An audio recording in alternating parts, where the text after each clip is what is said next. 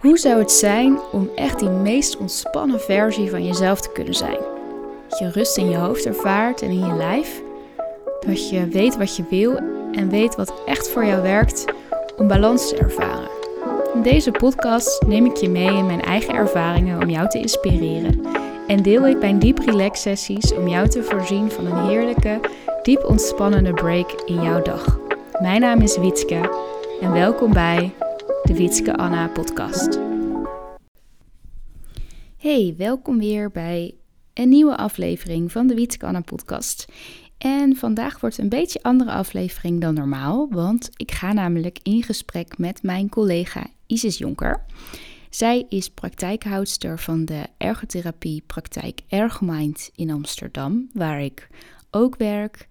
En wij wilden samen heel graag een podcast opnemen over wat wij in deze praktijk nou eigenlijk doen. Want deze praktijk, de Ergomind, maar ook steeds meer andere ergotherapiepraktijken richten zich ehm, specifiek op, op mensen die bijvoorbeeld in een herstel zitten van een burn-out of te maken hebben met een hersenschudding en daar maar niet van herstellen.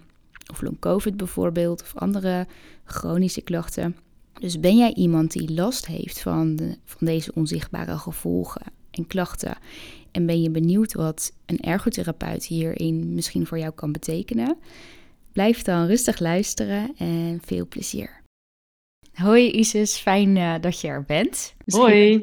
Misschien vind jij het leuk om wat meer te vertellen over waarom ons dat een leuk, uh, leuk idee leek. Ja, nou ja, uh, allereerst dankjewel dat je me hebt uitgenodigd voor deze voor jouw podcast. Het is voor mij eerste keer, dus um, ehm, super leuk om te doen. En uh, ja, we hadden dit uh, tijdens een lunchwandeling uh, bedacht, omdat wij merken dat ergotherapie, hulpmiddelen of hè, van oh, die, die, komen thuis bij ouderen.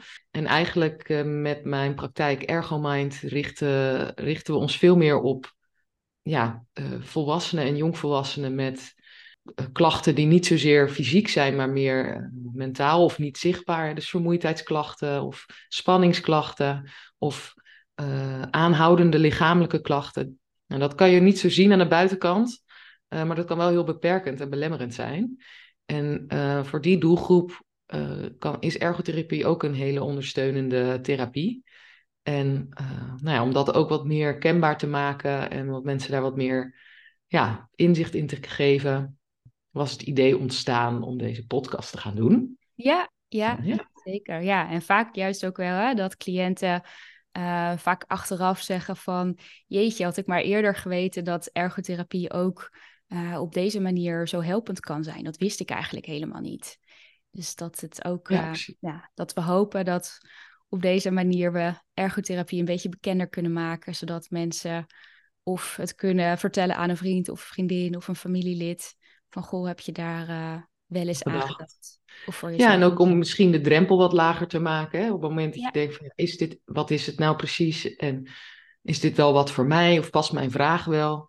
Nou ja, hopelijk kan deze podcast ook wat, nou ja, nog wat vragen wegnemen. Of misschien voor jou de keuze makkelijker maken om het wel of niet te gaan eh, doen. Ja, het, het, vak ergotherapie is wat dat betreft ook heel erg breed. Hè? Als je de ik weet niet, hoe leg jij altijd de algemene beschrijving uit over wel, wat is nou precies ergotherapie? Nou ja, ik zeg altijd, het is een HBO-opleiding, dus je, je, het is een vierjarige HBO-opleiding. Uh, ik heb hem zelf in Amsterdam gedaan. En uh, je leert eigenlijk als ergotherapeut hoe je mensen kan ondersteunen tot zelfstandig en betekenisvol handelen. En dat kan dus in de hele fysieke vorm zijn, hè, van uh, mensen ondersteunen om met hulpmiddelen toch weer zo zelfstandig te functioneren. Maar dat kan ook heel erg gaan over ja, hoe ga ik met de nieuwe, ja, nieuwe mogelijkheden ja, het beste uit mijn leven halen. Hè? Dus uh, ook als je blijvend uh, vermoeider bent dan voorheen of dan anderen, hoe ga je dan alsnog een kwaliteit van leven behalen? Hè? Dus dat je misschien een beperking hebt of anders bent dan anderen, of minder mogelijkheden of andere mogelijkheden, betekent niet dat je nog steeds een heel waardevol en um, uh, ja, plezierig leven kan hebben. En eigenlijk gaat ergotherapie erom om mensen te ondersteunen om die weg te vinden. En dat met allerlei ja, uh, ja. modellen proberen we dat te doen. ja, precies. Ja, en als je dat dan zo hoort, of tenminste, ik leg hem ook ik wel een beetje hetzelfde uit, maar dan blijft het vaak nog best wel vaag voor mensen van ja, hè, wat is dat dan precies? Of nou, krijg je er vaak nog steeds niet echt een beeld bij. En ook juist omdat je op zoveel verschillende plekken ook kan werken. Um, hè, want ik heb zelf bijvoorbeeld in een revalidatiecentrum gewerkt en in een ziekenhuis. En uh, andere mensen kennen het misschien inderdaad weer meer vanuit de ouderenzorg. De reïntegratie, dus werkreïntegratie. Ja, ja precies. En... en wat misschien ook wel zo tekenend is dat elke keer als ik weer moet uitleggen wat ik als ergotherapeut doe, dan, doe, dan, dan lijkt het ook niet altijd echt te blijven hangen bij mensen. Nee. Blijkbaar is het, ook al voelt ons beroep heel praktisch, uh, en zeggen mensen dat ook, hè, van nou ja, je, je, hebt het echt over hoe kan je dan dingen anders doen. Dus niet waarom zijn de dingen zoals ze zijn, maar eerder, oké, hoe ga je het dan nu anders doen? Ja. En zelfs terwijl het in de praktijk eigenlijk heel praktisch is, is het blijkbaar dus nog steeds best moeilijk om, om, uh, om ja, praktisch uit te leggen. Dus ik denk dat dat ook wel een beetje de hoop is van deze podcast om tijden, ja, om misschien met wat, wat ervaringsverhalen eh, dat nog wat, ja, ja, wat duidelijker te maken. Want hè, wat we um, in de praktijk doen van ergominds is bijvoorbeeld ook weer heel andere, of nou niet heel anders, maar wel weer andere ergotherapie dan bijvoorbeeld in een ziekenhuis of in een revalidatiecentrum. En misschien is het wel leuk om uh, ja, de luisteraar even mee te nemen hoe jij bijvoorbeeld ja, vanaf na je opleiding tot aan de praktijk, hoe je daar zo bij gekomen bent en, en wat je hebt gedaan. Ja, nou, ik was echt een piepjonge ergotherapeut, want ik ben op mijn zeventiende aan die studie begonnen en 21 toen ik klaar was. Dus nou ja, hè, dat kan je wel inbeelden. Ik was uh, jong. Ik begon in de revalidatie. En dat was een hele mooie plek om uh, te leren, want dan heb je heel veel andere ergotherapeuten om je heen waar je veel van kan leren. En ja, in de revalidatie is eigenlijk de taak van de ergotherapie voornamelijk ook die, uh, dus diagnostiek of onderzoeken van in hoeverre is iemand beperkt geraakt door hetgeen wat hij heeft gehad. Dus ik werkte op de uh, niet aangeboren hersenletselafdeling. Dus dat zijn mensen die een beroerte hebben gehad of een herseninfarct, zoals het ook wel wordt genoemd. Of uh, soms ook een hersentumor of een trauma aan het hoofd. Nou, en die mensen komen dan uit het ziekenhuis in een revalidatiecentrum terecht. En dan is eigenlijk het eerste onderzoek: wat, hè, wat zijn de gevolgen van, dit, van deze uh, hersenaandoening op het handelen? Dus dan ga je veel met mensen in de ja, activiteiten doen. Dus dan ga je bijvoorbeeld ze een kookopdracht laten uitvoeren. Of je gaat ze observeren tijdens het wassen en het aankleden. En tijdens die observaties zie je hoe, hè, hoe de aandoening iemand beperkt of, of niet. En ook, dus dat is de eerste stap. En dan daarna is het ook onderzoeken hoe kan je iemand trainen om daar weer zelfstandigheid in te krijgen. En soms kan iemand nog functie, functie terugkrijgen. En soms gaat het ook over hoe kan je de activiteit aanpassen. Of het handelen aanpassen, zodat dat nog zo zelfstandig mogelijk gaat. Ja, dus ja. En dan, hè, dan wat, wat je net ook uitlegde in ja, wat we beschrijven van ergotherapie, is dat je vooral ook gaat kijken van wat zijn nou activiteiten die ook echt heel belangrijk zijn voor iemand. Dus als iemand heel, als het heel belangrijk is voor iemand om bijvoorbeeld zelf te kunnen blijven koken, dan ga je ook alle mogelijke oplossingen met iemand zoeken van hey, hoe kan je dan alsnog dat met bijvoorbeeld hè, een, een uitval van een linkerkant of een rechterkant, hoe kan je dat dan alsnog doen.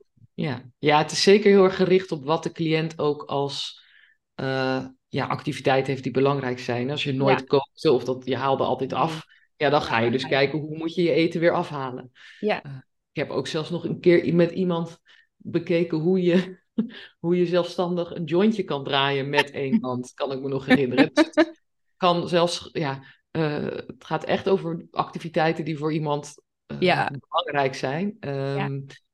Ja, ik zit ook nog even na te denken of ik nog gra grappige voorbeelden heb, maar het valt wel mee. Ik heb namelijk zelf ook, uh, ben ik ook begonnen in het revalidatiecentrum en het ziekenhuis.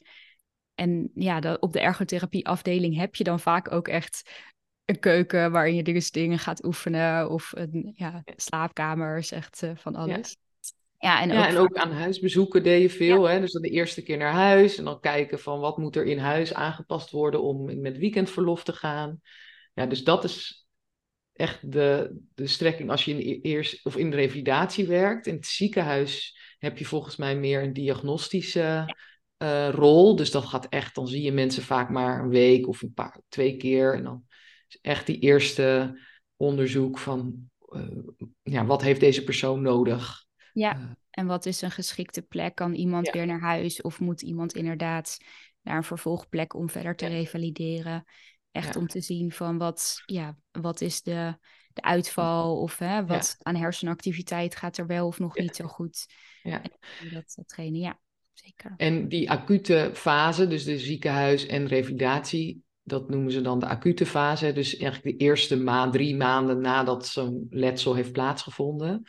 Ja. Uh, dat is een hele ja, intense fase voor mensen. En daar zit ook voor mij uh, de zoektocht toen ik een tijdje in de revalidatie werkte. Van, merkte ik ook dat, dat er natuurlijk daarna ook nog een hele weg is te gaan is. Alleen dan zie je mensen niet meer. Want mensen gaan dan weer naar huis of dan gaan ze eigenlijk verder.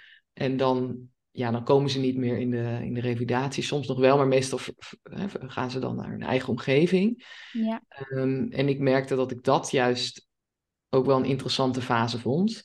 En uh, zo ben ik op een gegeven moment ook meer de revalidatie of de eerste lijn uh, kant op gegaan.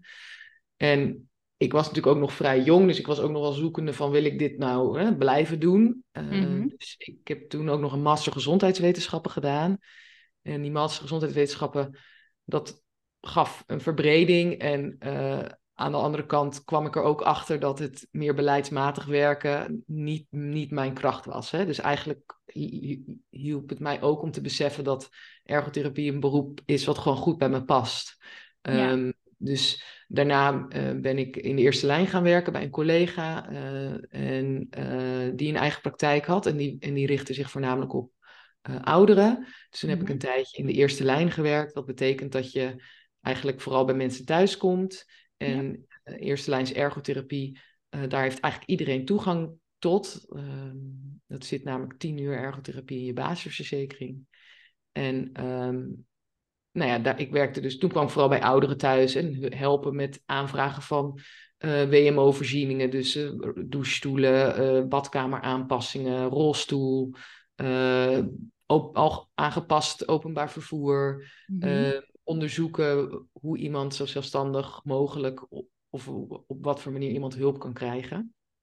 En dat was ook een hartstikke leuke en veelzijdige plek. Uh, en ik kwam er ook wel achter dat ik de werken met volwassenen uh, ja, leuker en vond dan werken met ouderen. Dat heeft er ook mee te maken dat met ouderen het vaak ook is om hè, dat ondersteunen tot een soort uh, ja, comfort, omdat je ook, ja, hè, mensen worden ouder en ze Mhm. worden minder mobiel, dus het kan soms, dus gaat het ook meer over hoe kan je nog comfort bieden aan de, in de laatste levensfase. Ja.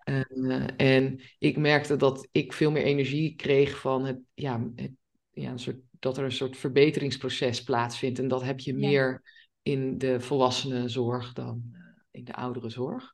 Ja, dus dat mensen Um, echt nog wat meer naar een, een, ja, een doel toe werken. zeg maar. Toewerken, ja. Ja. En dat had je in de ouderenzorg ook, en zeker steeds Ja. meer, want ouderen worden vitaler ouder hoor. Dus dat is Ja. echt zo. Alleen, ja, je komt ook bij de mensen thuis die hè, palliatieve zorg en die eigenlijk aan stervende zijn. En ja, Ja. ik merkte dat dat, uh, ja, dat, dat voor mij, uh, ja, dat, dat ik dat moeilijk vond. Ja. En ook het feit dat je als ergotherapeut een veel ondersteunende rol hebt in de zin van dat je ook gewoon veel gaat regelen. Hè? Dus je, re- je Ja. gaat samen bellen en, uh, en dat, ja, dat vind ik gewoon niet zo leuk om te doen. Nee. Ik merkte dat de, de, de coachende en gedragskant, gedragsveranderingskant van het vak mij veel meer aansprak. Mhm. En dat heb je eigenlijk meer in de uh, volwassenen en jongvolwassenen doelgroep. Ja. Uh, met werkreïntegratie en ja, hoe ga je om met uh, beperkte energie. Of... Dus zo ben ik langzaam daar ook meer in gaan scholen en cursus gaan doen. En toen heb ik een tijdje bij Winok gewerkt, een revalidatieprogramma wat nu niet meer bestaat. Dat is ook de reden dat ik daar niet meer werk. Mhm. Dat uh, helaas stoppen. Um, en toen dat stopte, toen raakte ik ineens zonder baan. En toen dacht ik, oké, okay, wat moet ik nu doen? En zo um, ben ik drie jaar geleden in 2020 begonnen met de praktijk uh, Ergomind, ergotherapie en coaching. En ben ik me helemaal gericht op de doelgroep die ik leuk vond. Ja. Eh, en waar ik uh, affiniteit mee heb. En dat is ook de doelgroep waar nog niet zoveel praktijken zich heel erg ja, specifiek op richten. Ja, specialiseren als je het zo wilt noemen. Dus Ja. niet echt een officiële specialisatie namelijk. Nee, Eh, precies. Maar ik merk wel dat het praktijkvoering voor de doelgroep die ik bedien anders is dan voor zo'n doelgroep met veel ouderen. Hè? Dus dat hoor ik Ja. vaak ook, dat mensen zeggen, ja, jouw website sprak me aan. Hè, dat ging echt over vragen daar, die ik... En heel veel mensen denken bij ergotherapie toch, ja, maar dat hoef ik toch niet. Ik hoef toch geen hulpmiddelen. Nee, Nee. dat klopt ook. Een hele groep hoeft dat ook niet, maar die hebben... Ja, dus ik kon, doordat ik die keuze heb gemaakt, mijn website en nou ja, alles daar ook op aanpassen. En meteen ook eigenlijk wel een leuk verhaal om te horen. Hè? Dat denk veel jongvolwassenen zitten heel erg in het, het vraagstuk van ja, wat, wat, wat wil ik nou en wat moet ik nou? Maar dat je dus juist ook, ja, met jouw verhaal hoor je eigenlijk ook heel goed dat het ook heel goed kan werken door op een bepaalde plek, plekken te gaan werken. Hè? Dat je merkt van hé, hey, nee, dit is het niet. Of zo'n opleiding van nee, dit ook niet. En dat je dan uiteindelijk als een soort trechter steeds meer in de richting komt van wat je dan wel wil. Ja, precies. Ja. En dat was ook een zoektocht. Hè? Ik, ik zeg ook altijd, ik, als ik dan naar mijn cv kijk, dan was het eigenlijk elke twee jaar was het weer wat anders. Hè? Dan had ik twee Mhm. jaar, eh, dus ik heb heel veel, zeker toen ik nou ja, van mijn 21ste tot mijn 30ste eigenlijk allerlei verschillende banen gehad. Maar ik had ze Ja. allemaal niet willen missen. Het heeft me Nee, ook geholpen precies. om uiteindelijk tot deze, ehm, ja, tot dit te komen wat ik nu doe. En dan is het ook nog maar de vraag hoe, hè, eh, hoe lang dit eh, op deze manier. eh, Ja. Dus ik geef mezelf ook wel de ruimte om daarin te mogen veranderen. Dat, eh, Ja, dus nu, nu is het vanaf 2020 Ergomind. ja? En nou, wat je zei daarin, met de praktijk richt je al wat meer op de gedragsmatige kant, vooral de jongvolwassenen en volwassenen. En wat voor, ehm, ja, hoe zou je beschrijven wat voor een doelgroepen of wat voor mensen wij vooral zien, met wat voor een vragen? ja. Nou, ik zeg het in het kort, zo staat ook op mijn website, hè, van de niet zichtbare gevolgen na letsel of ziekte. Dus eh, niet zichtbare gevolgen zijn vermoeidheid, pijn, ehm, maar ook hè, dus somberheid, angst. Dat eigenlijk alle dingen die je niet zo ziet aan de buitenkant. Eh, de meeste mensen die bij ons in de praktijk komen, die, ja, die, die zien eruit als, eh, hè, daar zie je helemaal niks aan in, in principe. Nee. Maar ze ervaren zeker wel een enorme ja, beperking in hun dagelijks leven. Dus je zou, de, de meeste mensen komen met vragen als eh, sinds een, een ziekte zoals COVID, of sinds een hersenschudding, of sinds eh, ja, een klacht die maar niet weggaat, merk ik dat ik steeds minder goed mijn werk kan uitvoeren. eh, of niet meer sociaal. Dat, dat, dat ze eigenlijk alle sociale dingen in hun leven en alle hobby's niet, ja, langzaam zijn gestopt. En dat ze Ja. heel met man en macht hun werk proberen te blijven doen. Dat dat eigenlijk ook niet meer gaat. En eigenlijk het moment dat mensen bij ons komen, dan, dan, dan, zijn, hè, dan merk ik wel dat, er al, dat ze al heel, meestal al wel een tijdje aan het, aan het, ja, aan het heel hard bezig zijn om Ja. overeind te blijven of zo. Hè? Precies. Ja, Ja. dus ook vaak niet echt meer, hè, je, we noemen het net even de acute fase. Bij ons zien we vaak mensen die inderdaad al een tijdje of in een burn-out zitten of al een tijdje aan het ja, struggelen zijn, zeg maar. Ja. Eh, En dan eigenlijk vaker in tijd, al een tijd zeggen van, nou ja, eerst dacht ik wel, het gaat wel over. Hè? En dat Precies. gaat ook heel vaak zo. Dus het is Ja. ook helemaal niet gek dat mensen in eerste instantie een beetje afwachten tot ze hopen dat het overgaat. ja, Eh, en dat wordt ook vaak gezegd, hè, van nou ja, doe maar rustig aan. Nou dat is denk ik wel, een, eh, zeker ook bij mensen met een hersenschudding, ehm, maar ook bij mensen met COVID. Zo van ja, doe maar rustig aan. Hè? Dat is dan wat, eh, wat er gezegd wordt. Maar wat is rustig aandoen dan? ja, Ja, tegen wat voor persoon zeg je dat? En hoe wordt dat geïnterpreteerd? Ja, en dat is voor iedereen anders, elk individu anders. En de meeste mensen gaan dan, die wij zien, die hebben dan in eerste instantie dat geprobeerd, hè, rustig aandoen, in, in hoe zij dat dan ook interpreteren.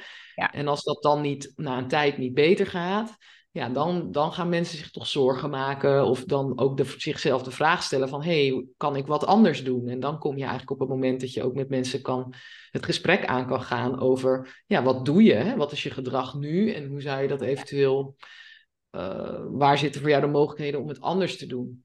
Ja. Um, Ja. En die soort van die wens om dat te bekijken, die moet er wel zijn. En je ziet vaak dat als iemand in de acute fase zit, dus op het begin, dus dan, dan hebben mensen de, ja, cliënten de, die, eh, ook nog die motivatie, ja, niet per se motivatie, misschien het verkeerde woord, maar ook nog niet de, uh, ja. Nee, de, de, de ruimte of zo. Ja, ja precies. Dus je moet soms echt even ergens last van hebben voordat je die kwetsbaarheid kan, ja, ja die, die vraag kan stellen eh, aan jezelf. En dat gebeurt ook soms, hè, dat mensen steeds vroeg, dus dat is het positieve, bijvoorbeeld bij hersenschuddingklachten, uh, ja, proberen wij toch wel uh, aan te moedigen om mensen zo snel mogelijk na de hersenschudding, dat ze de, voor de eerste afspraak ergotherapie komen. Vooral om ze uit te leggen wat, ja, en gerust te stellen, dus uitleg te geven over wat rustig aandoen en op,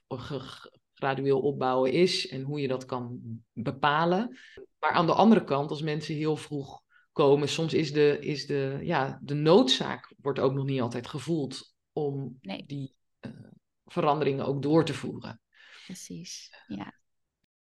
Dat zeggen, vragen mensen soms ook van, oh, maar had ik niet veel eerder moeten komen? Heb ik mijn herstelproces dan niet nu hè, verpest of uitgesteld? En dan zeg ik altijd, elk proces heeft de tijd nodig die het nodig heeft. Dus je kan dat ook niet forceren. Nee. Ehm, en want de, de, de meeste, uh, wat heel begrijpelijk is, hè, is dat je zo snel mogelijk van je klachten of van je, uh, ja, van je klachten af wil. Uh, alleen daarin zit vaak al een soort druk die niet, niet altijd helpend is om je herstel te bevorderen. Nee, uh, precies. Nee. Uh, dus hoe kan ik zo snel mogelijk mijn, uh, mijn burn-out fixen, bijvoorbeeld? Ja, precies. Ja. Of, ja. Of, of hoe kan ik zo snel mogelijk van deze COVID-klachten af? Of hoe kan ik zo snel mogelijk ja. van de pijn af of van de hersenschudding af? Ja, en dan is eigenlijk al, ja, heel vaak ook de eerste niet zo leuke boodschap dat, dat, dat daar eigenlijk niet echt een versnelling in mogelijk is. En je kan wel zeker, het gaat zeker wel over wat hè, wat kan je doen of wat zou je, wat zou, waar zou, kan je bewust van zijn? Maar of het echt het proces heel erg versnelt. Nee. Ja, het, Het, het, zorgt er in ieder geval voor dat het niet nog verder wordt uitgesteld. Laten we het zo zeggen. Hè? Dus als mensen heel lang doorgaan met ja, laten, het niet helpende patroon, om het maar even zo te noemen. Als, dat al, als daar al sprake van is. Hè? Want soms is het mensen ook geruststellen dat ze het op een juiste manier doen. Ja het is echt niet altijd zo dat, het, dat de ergotherapeut gaat, precies gaat vertellen wat je moet doen. Wat je moet doen, nee, juist helemaal nee. niet. Of tenminste, ja. hè, we zijn inderdaad meer een soort van... Er is ook niet één manier om het goed te doen. Ja, dus het is echt onderzoeken van hoe doet iemand het nu en wat is helpend. Ja. Ik weet nog heel goed toen ik zelf uitviel met een burn-out... dat ik geloof ik in de nou, dan zit je inderdaad eerst ook eventjes in zo'n, uh, nou, ik denk dat ik er over een maandje wel weer ben, uh, fase, hè, dat je nog in de acceptatie eigenlijk zit. Dat ik toen ook, geloof ik, drie cursussen heb aangeschaft over hoe kom je zo snel mogelijk van je burn-out af. Ja. Omdat je, hè, dat, wat ik daar vooral mee probeer te zeggen, is dat je dan nog zo in die, ja, in die rush bijna zit van, oh shit, hè, ik, ik, ik kan helemaal niet uitvallen, ik moet allemaal dingen doen. En, um, en hè, dat, dat ja, illustreert misschien ook zo mooi wat, wat, er ook, wat jij net vertelde van dat het niet iets moet zijn van als je maar zo snel mogelijk hè, terechtkomt, dan kan je het proces versnellen. Maar dat het juist eigenlijk nodig is om het proces te vertragen. Ja. En ja. Um, hè, je, je zei net, wat mensen vaak als eerste boodschap krijgen is van ja, ga maar even rustig aandoen. Maar als je dat tegen mij had gezegd als ik net hè, twee weken ben uitgevallen, dan denk ik rustig aandoen, rustig aandoen. Hallo, ik heb helemaal geen tijd om rustig aan te ja, doen. Ja, ja. Uh, hè, ik, uh, ik ben uitgevallen op mijn werk en ik moet toch zo snel ja. mogelijk weer terug. En... Ja, en daar zitten dus ook ja. allerlei uh, gedachten of, gedachtes of aannames achter. En ik denk dat dat inderdaad ook een onderdeel is van de ergotherapie om dat proces uit te leggen. Hè? Om mensen te, aan te geven dat ze de tijd mogen nemen voor dit proces. Mm -hmm. Dat dat. En dan, daar komt ook wel even het verschil tussen wat dan een ergotherapeut doet en een psycholoog. En dat, dat zeg, leg ik altijd zo uit van, als ergotherapeut ga je meer kijken van, wat kan je anders doen? Hè? Dus je, je, je deed altijd dingen op een bepaalde manier die je heel erg hebben geholpen in je leven. Uh, want dat maakt ook dat je bent wie je bent. En je, je, hè, je hebt een baan of je hebt een bepaalde opleiding gehaald. Of het heeft je ook dingen gebracht. Alleen dat, dat leidt nu niet meer tot alleen maar successen. Dus dan moet je eigenlijk een soort van nieuw, nieuw gedrag erbij leren. Ja. En de ergotherapie gaat dan over, oké, maar hoe doe je het dan anders? En de psychologie gaat meer over, wat maakt nou dat je bepaalde patronen hebt ontwikkeld, ontwikkeld of wat voor, hè, wat is er in je leven gebeurd, wat maakt dat je doet zoals je doet? Ja. Eigenlijk blijf je als ergotherapeut daar een beetje van weg. Of het is niet als iemand die me verhaal vertelt, ik zeg, hier gaan we het niet over hebben. Maar hè, daar, daar is wel het verschil in ja, in kennis. Uh, ergotherapeuten zijn geen psychologen. Dus je, je, uh, dat als, als blijkt dat daar nog veel vragen liggen voor iemand, hè, van waarom is dit zo of hoe, hoe kan dat, dan, dan is vaak een verwijzing naar een psycholoog nog heel helpend, omdat het dan meer gaat over hè, waarom, is het, waarom doe ik zoals ik doe. En bij ergotherapie gaat het over, oké, je weet misschien nu waarom je doet zoals je doet, maar dan weet je nog steeds niet hoe je het anders moet doen. Dus dan gaat het meer over hoe doe je het anders. Ja, ja, precies. Dus hè, het, het, het is wel dat je enigszins een soort van bewustzijn creëert in, hè, niet alleen maar in het doen, maar ook wel in het denken. Want hè, omdat je bepaalde denk, dingen denkt, dat is natuurlijk ook de aanleiding dat je dingen op een bepaalde manier doet. Dus we, ja, we creëren wel een soort van bewustzijn daarin, maar vervolgens ehm, ja, ga je echt meer kijken naar ja, echt op dagelijkse basis van hoe doe je bepaalde dingen. Dus echt vanaf het opstaan tot aan het naar bed gaan.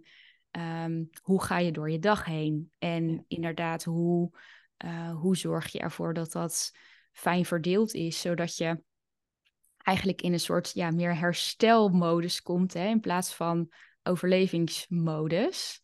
Ja, um, ja. Wat, um, wat, wat wil jij daar nog over delen? Over van ja, wat, hoe, hoe ziet dat er dan ongeveer uit? Ja. ja, want volgens mij hebben we nu vooral even stilgestaan bij wat, hè, met wat voor vragen komen mensen bij de ergotherapie uh, terecht. ja. Als we het dan hebben over die niet zichtbare gevolgen. Uh, dus mensen komen vooral met de vragen van hoe, hoe verdeel ik mijn energie? Hoe ga ik weer aan het werk? Uh, Wat is nou rust nemen? Ja. Hoe ga ik om met die hele hè, slechte momenten dat ik me heel vervelend voel? Nou, dat zijn een beetje de vragen. Ja. En ik denk dat, uh, hoe pakken wij dat aan? Het gaat eigenlijk eerst over samen met iemand onderzoeken van in welke activiteiten wil jij verbetering zien. Precies. Dus meestal begint het eerste gesprek met ja, eh, nou, vragen naar iemands eh, situatie en wat voor werk doe je dan? Wat voor studie? Dus wat, wat, wat, doe, je, wat, wat doe je? hoe gaat het nu en waar wil je dan die verbetering in zien? Dus de meeste mensen willen verbetering zien in dat ze weer kunnen werken of dat ze weer sociale activiteiten kunnen ondernemen of en weer uit kunnen gaan naar een restaurant of een café of vrienden, verjaardag met vrienden kunnen. Verjaardag, ja, precies. Of weer willen sporten, hockey of tennis of padel. Ik laatst het ook veel. En dus wat voor uh, wat voor activiteiten ze dan weer zouden willen doen. Maar soms gaat het ook over, ik wil weer een weekend met mijn kind kunnen zijn zonder dat ik moe, hè, zonder dat ik, uh, en dat ik daar ook zin in heb, hè, bijvoorbeeld. Dus het gaat, dus het kunnen echt activiteiten zijn waar mensen verbeteringen willen zien. Maar soms kan het ook meer gaan over um, een bepaalde vaardigheid die ze willen verbeteren. Dus bijvoorbeeld ik zou beter willen, willen aangeven wat mijn mogelijkheden zijn. Dus dat wordt vaak geformuleerd als ik wil beter mijn grenzen aangeven. Ja. Maar als je die omdraait, dan gaat het eigenlijk over van hoe wil je beter je behoeftes aangeven. Dus, Precies. Uh, dus het kan soms ook gaan over vaardigheden. De mensen willen beter worden in nee zeggen. Nou, dan wil je dus beter worden in zeggen wat je eigenlijk wel wil. Ja. Dus het kan um, op vaardighedenniveau zijn waar mensen verbeteringen willen zien, of op activiteitenniveau. Wat, wat ik nog daarop wilde aanvullen, um, is vaak, soms komen mensen ook binnen eigenlijk met een hulpvraag als van, hè, ik wil wel van mijn klachten af, of ik wil, uh, ik wil wel meer energie, of ik, ik wil geen last meer hebben van pijn in mijn schouder. Maar door dat eerste gesprek kom je dan ook eigenlijk, hè, door, door dit soort dingen ook te vragen, kom je eigenlijk juist bij de, meer bij de kern van wat is nou eigenlijk echt belangrijk voor iemand. Um, en formuleer je dus ook samen eigenlijk, hè, uh, de, de ergotherapeut en de cliënt vormen dan samen een beetje dit, ja, deze vraagstukken en hulpvragen om ook daar op je, ja, je verdere behandelplan eigenlijk samen te, te maken. Ja, en dat is dan denk ik ook. Uh, de ergotherapeut gaat dus niet met iemand oplossen dat het weggaat. Hè? Want eigenlijk gaat het meer over van oké, er is dus een bepaalde mate van beperking of klacht. En die kunnen wel minder worden. Hè? Want klachten uh, zijn ook signalen van het lichaam om een bepaalde disbalans aan te geven. Dus op het moment dat je je energie anders verdeelt of hè, daar meer rekening mee houdt, kan het zijn dat klachten meer naar de achtergrond verdwijnen of minder beperkend en belemmerend zijn en daardoor minder als minder erg hè, worden ervaren. Dus dat is altijd nog wel een belangrijk verschil. Het is niet het oplossen van een klacht, maar eerder ja, het onderzoeken uh, hoe de dingen in het leven weer beter kunnen, waardoor die klacht minder belemmerend wordt. En dus misschien ook wel minder uh, op de voorgrond is. Ja, ja, en, en wat wij zien met onze doelgroepen is dat hè, in de meeste gevallen de, de klachten ook echt wel daadwerkelijk verminderen natuurlijk. Maar dat is eerder bijzaak dan hoofdzaak. Ja, en dat is ook vaak het, dus het herstellende proces van het lijf. Hè? Daar, Dus dat zeg ik ook heel vaak. Het is niet alsof wij als ergotherapeuten iets doen om dat lichaam te laten herstellen. Het gaat over het herstellende vermogen wat het lichaam zelf heeft. En hoe kan je dat, dat spontane herstel, zoals dat ook wel wordt genoemd, hoe kan je zorgen dat dat plaatsvindt? En hoe kan je zorgen dat jij je lichaam, hè, dat jij met je lichaam zo uh, het aanpakt dat je lichaam de kans heeft om te herstellen. Ja. Uh, ja. En dan is dat inderdaad die uitleg over het autonoom zenuwstelsel, ja. over de verschillende, ja, het sympathische en parasympathisch. Ja, de aan- en de uitstand. Hè, ja, de, precies. Ja, waar je in een yoga nidra bijvoorbeeld diep in ontspanning komt, hè, dan kom je meer in de uitstand en door veel te doen en aan te staan, zit je meer in de, de sympathicus, de aanstand. Ja. En we gaan eigenlijk dan hè, samen met, die, met de cliënt, ga je eigenlijk onderzoeken van, hey, wat, um, ja, wat, wat is iemands balans dan? Hè? Wat zijn iemand, hoe kan iemand meer bewustzijn gaan creëren om dus beter eigenlijk te luisteren naar die signalen. Ja. En om ook een beter, hè, dus we zeggen altijd, we leggen het altijd een beetje uit van we kijken eigenlijk op, op twee manieren. Aan de, de ene kant kijken we meer op basis van die signalen. Dus dat mensen echt die, die lichaamssignalen, uh, klachtcontingent noemen we dat ook wel. Dat op basis van die signalen dat je beter gaat leren van... hey, wat wil mijn lichaam mij vertellen? Wat, um, hè, wat, wat, wat wil het eigenlijk zeggen op het moment dat ik steeds meer hoofdpijn krijg? Of als ik meer spanning in mijn nek en mijn schouders voel?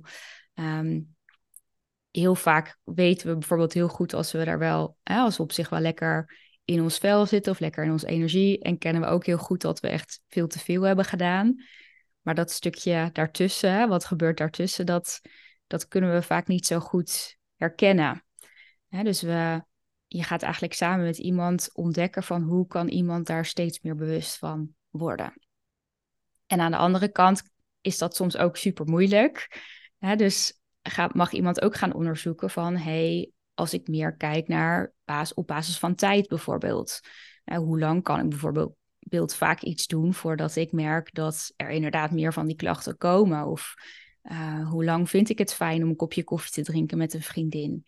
Dus dat je ook op basis van tijd er eigenlijk meer een soort ja, helpende regels voor kunt gaan bedenken. Um, hè, die ook weer mee transformeren, maar hè, die op dat moment helpend zijn voor je herstel. Ja, nou, ik denk je mooi de twee verschillende strategieën nu aanstipt die mensen gebruiken om uh, te bepalen hoe lang ze iets doen. Hè? Dus je bepaalt soms van, ga ik naar die verjaardag, bepaal je op van tevoren, nou ik ga twee uur en dan ga ik weer weg. Maar de mhm. meeste mensen die gaan naar een verjaardag en dan, totdat ze geen zin meer hebben of totdat het feestje ophoudt. Of, ja. Uh, maar de meeste mensen met klachten, en zeker aanhoudende klachten, die gaan iets doen, naar een feestje bijvoorbeeld. En dan op het moment dat de klachten toenemen, dan gaan ze, gaan ze vaak nog even door. Want ze, en dan gaan naar huis of dan weg. Ja. Uh, dat noem je inderdaad klachtcontingent. Op het moment dat je doorgaat met een activiteit ja. totdat de klachten komen. Um, dat is klachtcontingent. En als je doorgaat totdat een bepaalde tijd voorbij is, is dat meer tijdcontingent. En beide strategieën hebben kunnen helpend zijn. Hè? Het is niet alsof. Maar goed, meer inzicht krijgen op basis waarvan maak je nou bepaalde keuzes. En wel- welke situatie kan je welke strategie toepassen. En daar jouw inzicht in geven. Dat is waar ergotherapie over gaat. En de meeste mensen hebben soms al wel via artikelen gehoord over de activiteitenweger of over daglijsten. En dat is inderdaad een manier om ja, wat meer inzicht te krijgen in op wat voor manier pak je het nu aan. Hè? Dus dan ga je bijhouden voor een aantal dagen wat je doet op een dag. En dan aan de hand daarvan kunnen wij als ergotherapeuten meekijken van oké, wat basis waarvan maak je nou bepaalde keuzes? Uh, hoe, hoe lang is het prettig om bepaalde activiteiten te doen? En vaak zie je ook dat dat de ene dag lukken dingen langer dan de andere dag. Dus ja, hoe bepaal je dan hoe lang je iets kan doen? En nou, dat zijn echt de, de vragen en de, uh, waar wij dan met mensen st bij stilstaan. En dan is niet het antwoord altijd hetzelfde. Dus, nee. Want iedereen's uh, uh, ja, keuzeproces is weer anders en heel individueel. En dus soms zie je dat mensen een wat uh, ja, overbelastingspatroon hebben, zoals dat dan wordt genoemd. Hè. Dus mensen die veel de neiging hebben om hard hun best te doen. De niet lullen, maar poetsen types. Van, uh, nou, ik ga door en pas als ik echt heel veel pijn heb, dan stop ik. Dus die, bij, bij, bij dat patroon gaat het ook meer over hoe kan je eerder stoppen. Of hè, mag je ook stoppen, ook al ben je nog niet klaar. Of ook al heb je nog geen pijn. Uh, en de andere kant is dat soms mensen in een onderbelastingspatroon terechtkomen. Dus dat wat er eigenlijk gebeurt, is dat ze soms ook doordat ze een hele lange tijd zich hebben overbelast, dat ze een beetje bang worden voor klachten. Hè? Dus dat ze denken, nou, ik ga dit niet doen, want ik, vorige keer kreeg ik zoveel hoofdpijn na die verjaardag. Ik ga niet meer naar een verjaardag hoor. Of nee. uh, nou, ik ga echt niet meer naar drukke plekken, want ik krijg, word daar zo overprikkeld van. Nou, dat doe ik niet meer. Nou, en als je dat hoort, dat is, dat, dan, dan is er meestal sprake van eigenlijk een soort vermijdingsgedrag in bepaalde activiteiten. Omdat mensen dan bang zijn voor bepaalde klachten die ze gaan krijgen na de activiteit. Ja. En het lastige is dan dat omdat je er niet meer aan blootstelt, eigenlijk die ontwenning ook steeds groter wordt. En, ja. uh, uh, en dat kan ook heel beperkend zijn. Dus soms kan het ook juist gaan over hoe kan je geleidelijk een activiteit weer in iemands leven brengen. Hè? En dan is er Ja. misschien wel ergens een bovengrens. Van, nou ja, tot, dus je kan, maar eh, hoe- kan je dan toch die activiteit wel weer mogelijk maken? Precies, zodat mensen ook weer, nou, als je dat dan in kleine stapjes weer opbouwt, krijgen mensen daar ook weer steeds meer vertrouwen, Vertrouwen, in. Ja. Ja, en plezier en, en flexibiliteit. En kijk, de meeste mensen na een burn-out of na een hersenschudding, die, die krijgen hun, en ook met, na, bij COVID, hè, er zijn ook altijd de verhalen van de mensen waarbij het niet beter wordt, die zijn er ook, dat weet ik. Maar heel veel, heel veel mensen worden ook wel beter. En het is een proces wat tijd kost en waarin het inderdaad leren is om, dat te, om te doseren. Uh, maar heel veel mensen uh, krijgen langzaamaan steeds meer belastbaarheid terug. En ja, wordt hun reserve, worden hun reserves eigenlijk langzaamaan steeds meer opgebouwd. En uh, ja, is er dan op een gegeven moment een punt dat de ergotherapie ook afgerond wordt. Hè? En dus de eerste fase van de ergotherapie gaat eigenlijk meer over inzicht krijgen in wat je doet. Dan in het aanleren van verschillende andere strategieën en daar die gaan toepassen. En daarmee oefenen en mee stoeien. Mhm. En dan komt er op een gegeven moment een fase dat mensen dat steeds beter doorhebben. En ja, dan, dan zien we ze ook minder. En dan gaat het naar één keer in de maand of één keer in de drie, vier weken, vijf weken. Ja. Langzaam het opbouwen van werk. En dan komen langzaam alle activiteiten weer terug in het leven. En dan gaat het afhankelijk van wat iemands wens is ook over hoe hou je dat vol. Hoe En dan- het ook een duurzame strategie? En, eh, Precies. En meestal vallen mensen ook nog heus wel een keertje terug. Ja, en dat is ook oké. Ja, hoort ook bij het proces. ja. En dan ja, die monitorende fase, die duurt afhankelijk zo lang als iemand dat zelf prettig vindt. Ehm, hè, sommige mensen zie ik wel een periode over een jaar, twee jaar. Maar hè, sommige mensen die hebben ook meer behoefte aan wat kortere begeleiding. Dus Ja. eh, dat wisselt ook heel erg qua indi- individu. Ja, dat is denk ik ook wel tekenend voor hè, hoe wij in ieder geval ook bij in ook ergotherapie geven, is dat het geen één traject is bijvoorbeeld hetzelfde. Hè? Niet in, in hoe, hoeveel sessies iemand heeft, niet Nee. in hè, wat je sessie 1, 2 en 3, dat staat niet vast. Het is heel erg ja, op basis van wat iemand ook zelf meeneemt en inbrengt en wat iemands vraag is. Ehm, Ja. ja. En dan hebben wij natuurlijk als ergotherapeut wel verschillende tools uit de put. En die komen op, in verschillende volgorde bij mensen ook aan bod. Precies. Maar dat probeer ik in ieder geval, ik probeer dat zelf altijd wel heel erg te doen op waar iemand op dat moment zelf open voor staat. Hè? Want ja. als, het, als er sprake is van iemand met heel laag, die heel laag belastbaar is, die, hè, waarvoor eigenlijk het op de praktijk komen en dat half uur of uur in gesprek zijn al een enorme opgave is. Ehm, ja, dan is het tempo uh, heel anders en uh, hoeveel informatie je geeft ook heel anders dan bij iemand die bijvoorbeeld meer belastbaar is. Dus het is zo proberen we eigenlijk altijd aan te passen uh, op waar iemand is op het moment. Ja.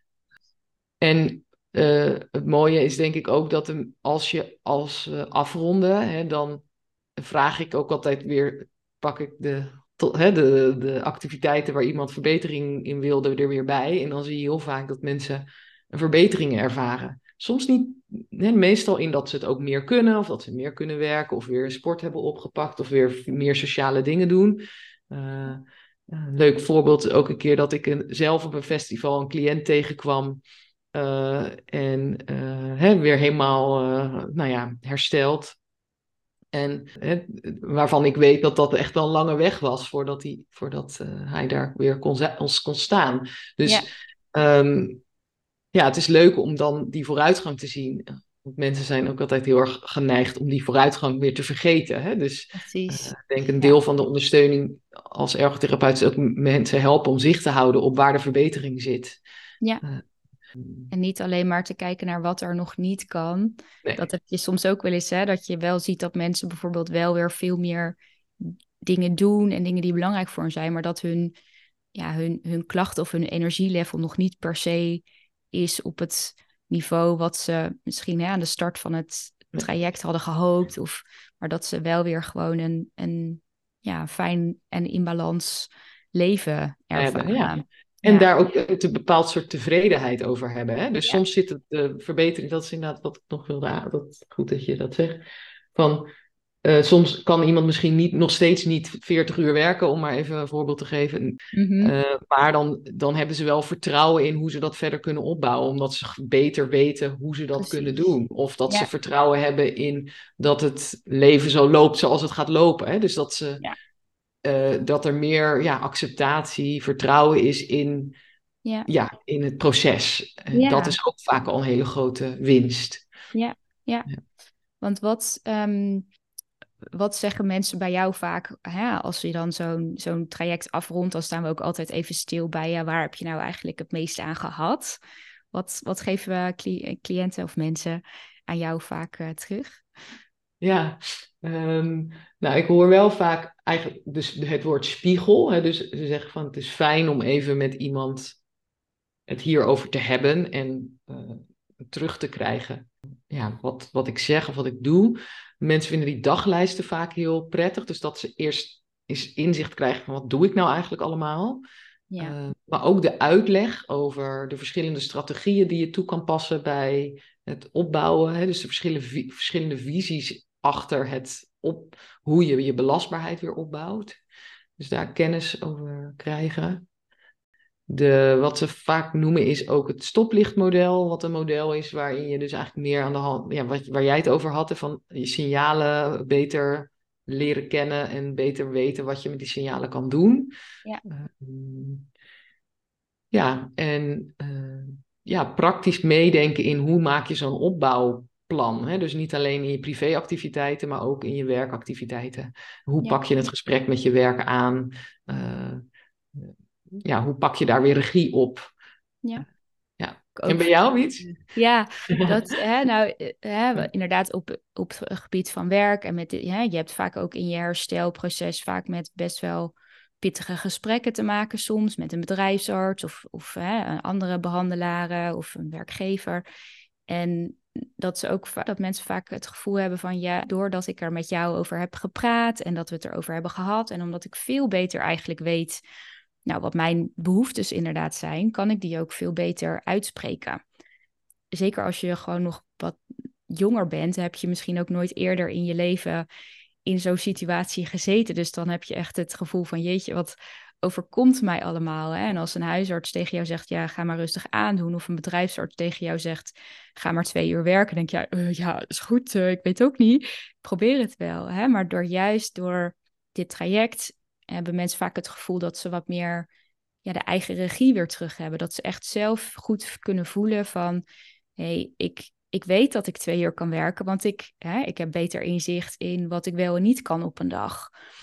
Um, en ja, eigenlijk door, doordat dat een ergotherapie-traject dat heel erg uitnodigt, hè, om dat te gaan onderzoeken, dat vinden mensen vaak het fijnst. Dat ze, uh, en ook dat ze weten van, ja, het, is niet, ik zeg het is altijd niet altijd een glitter ponypark elke dag. Hè. Het is, uh, ja, je hebt nu eenmaal te maken met het mens zijn en daar horen ook mindere dagen bij. En ook als je hè, in je herstel ben je vaak heel erg gefocust op strakjes als het weer beter gaat, maar juist ook dat je eigenlijk elk moment in je leven kan bijsturen, omdat je ook zo weer meer in contact staat met, hey, hoe voel ik me en wat heb ik nodig en wat lukt wel, wat lukt niet vandaag.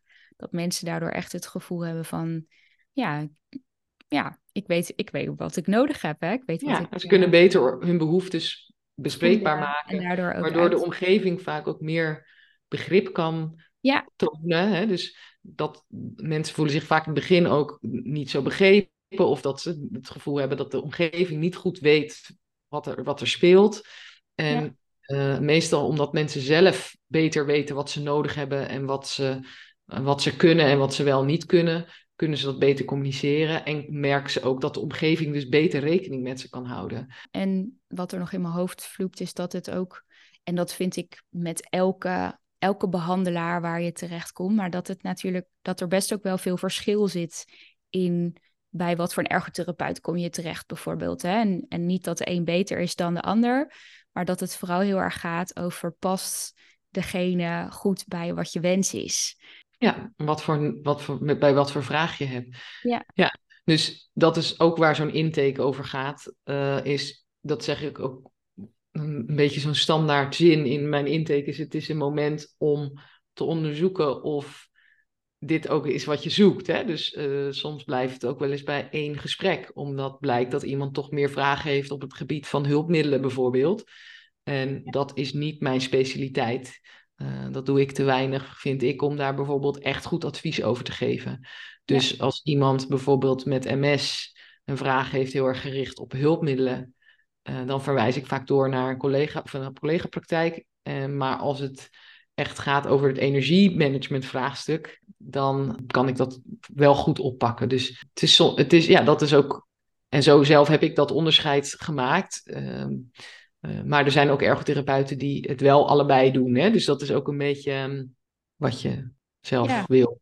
Ja, precies. Ja. En nou ja, vooral ook een uitnodiging aan, aan degene die hè, de hulpvraag heeft om daar ook goed bij stil te staan. Van ja, wat ja. je en wat heb je nodig? En, uh, ja, wat misschien nog goed om te is om te zeggen dat uh, ergotherapie is een uh, therapie die wordt vergoed vanuit de basisverzekering. Wat betekent dat iedereen 10 uur ergotherapie per kalenderjaar in zijn verzekeringspakket heeft. Ja, dus dat um, is natuurlijk super fijn. Nou, ja. dat is misschien ook wel mooi om hem daarmee een beetje te gaan richting het einde te komen. Ja. Nog even te kijken. Volgens mij hebben we ook alles wel een beetje verteld wat we wat we van tevoren een beetje in ons hoofd hadden. Hè? Ja. Is er nog iets wat jij als laatste wil zeggen of delen? Nou ja, ik wil je bedanken. Ik vond het leuk om er zo uh, over te hebben. En hopelijk uh, is het voor mensen een beetje du duidelijker geworden wat ergotherapie is en wat het kan betekenen. Ja. En uh, ja, als er vragen zijn, mag je die altijd stellen. Kan je ook mailen nou ja, naar info.ergomind.nl of naar jou. Uh, ja. Ik weet even wat jouw e-mailadres is. Die zal ik allemaal, allemaal in de, bij de notities zetten. Ja, ja. ja nee. bedankt. Ik vond het hartstikke leuk om te doen. Ja, graag gedaan. Ik sluit me daar helemaal bij aan. Vond het ook leuk om, om zo weer een keer een, een gesprekspodcast op te nemen. En, ja, en gewoon leuk om, ja, om te delen en te vertellen waar wij eigenlijk bijna dagelijks mee bezig zijn en wat wij doen. Ja. ja. Oké. Okay. Dankjewel voor het luisteren naar deze podcastaflevering. Mocht jij dus of misschien wel iemand in je omgeving bezig zijn met het herstel van een burn-out, een hersenschudding of misschien wel andere langdurige klachten hebben, weet dan dat je altijd bij een ergotherapeut terecht kan en dat er ook steeds meer praktijken dus echt gespecialiseerd zijn in deze doelgroep. En het fijne is dat ergotherapie dus 10 uur wordt vergoed per jaar vanuit je basisverzekering. Wel goed om even te letten op dat het wel eerst van je eigen risico afgaat. Um, maar je kan dus ook zonder verwijzing van je huisarts je gewoon aanmelden en, uh, en terecht. Dus dat is heel fijn. En um, in regio Amsterdam kun je dus terecht bij de praktijk Ergomind. En als je meer in het zuiden woont, in Zuid-Holland, uh, ik werk vanuit Leiden. Maar ga vooral op zoek naar een ergotherapeut die lekker bij jou in de buurt woont of die, uh, waar je een goed gevoel bij hebt. Dus dankjewel. En dat was hem dan voor nu. Tot de volgende keer.